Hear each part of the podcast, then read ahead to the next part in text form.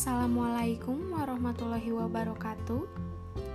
Halo, balik lagi sama aku Alisa Yasifa Permana Mahasiswi dari Universitas Pendidikan Indonesia Program Studi Pendidikan Kewarganegaraan dengan nomor induk mahasiswa 2107038 Kali ini aku bakal ngebahas mengenai hubungan sejarah dengan sosiologi kita ketahui terlebih dahulu bahwa sosiologi merupakan studi sistematik tentang interaksi sosial manusia.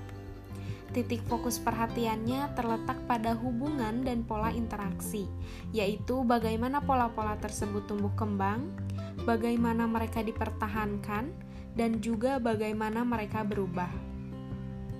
Salah satu metode yang digunakan dalam sosiologi adalah metode historis dalam hal ini, para sosiolog selalu memberikan persoalan sejarah kepada ahli sejarah, sehingga ilmu sejarah dipengaruhi oleh perkembangan sosiologi.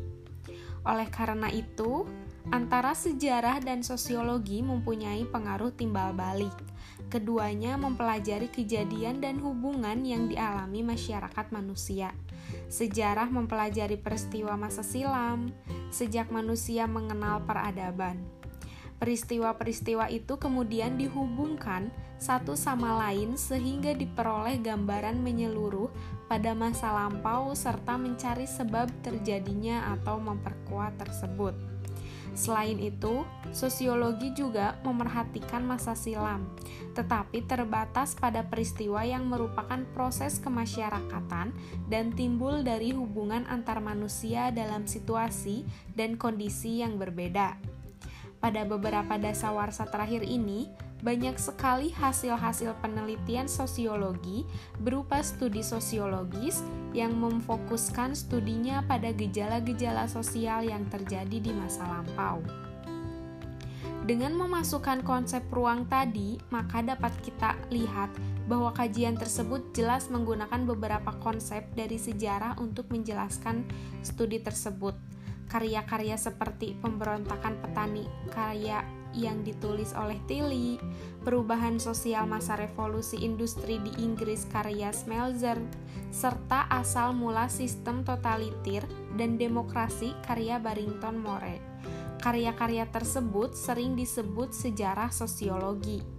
Menurut Mahoney, Perdebatan mengenai teori umum dalam sosiologi sejarah bertujuan mengklarifikasi penggunaan teori semacam ini dalam penelitian empiris. Teori umum didefinisikan sebagai postulat mengenai agen penyebab dan mekanisme penyebab yang terhubung dengan analisis empiris dengan menjembatani asumsi yang berbeda. Teori-teori ini dapat menyumbangkan banyak pengetahuan dengan membantu para analisis menemukan hipotesis baru, menyatukan temuan yang sudah ada, dan menjelaskan hasil sejarah. Untuk mengilustrasikan penerapannya, ada lima teori yang telah atau dapat memandu sosiologi sejarah. Yang pertama itu ada teori teori fungsional, pilihan rasional, kekuasaan, neodarwinisme, dan budaya. Contoh sederhana yang bisa diambil dalam hal ini misalnya e, ikut serta dalam kegiatan lomba 17 Agustus. Seperti yang kita ketahui bahwa 17 Agustus adalah hari yang paling bersejarah untuk Indonesia, di mana pada tanggal tersebut merupakan hari di mana Indonesia merdeka dari para penjajah dengan adanya kegiatan lomba 17 Agustusan itu untuk memeriahkan dan mengenang kemerdekaan Indonesia. Nah, itulah penjelasan serta contoh mengenai hubungan sejarah dengan sosiologi. Maka dengan begitu, berakhirlah podcast kali ini. Sampai bertemu di lain waktu.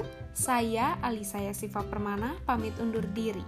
Wassalamualaikum warahmatullahi wabarakatuh.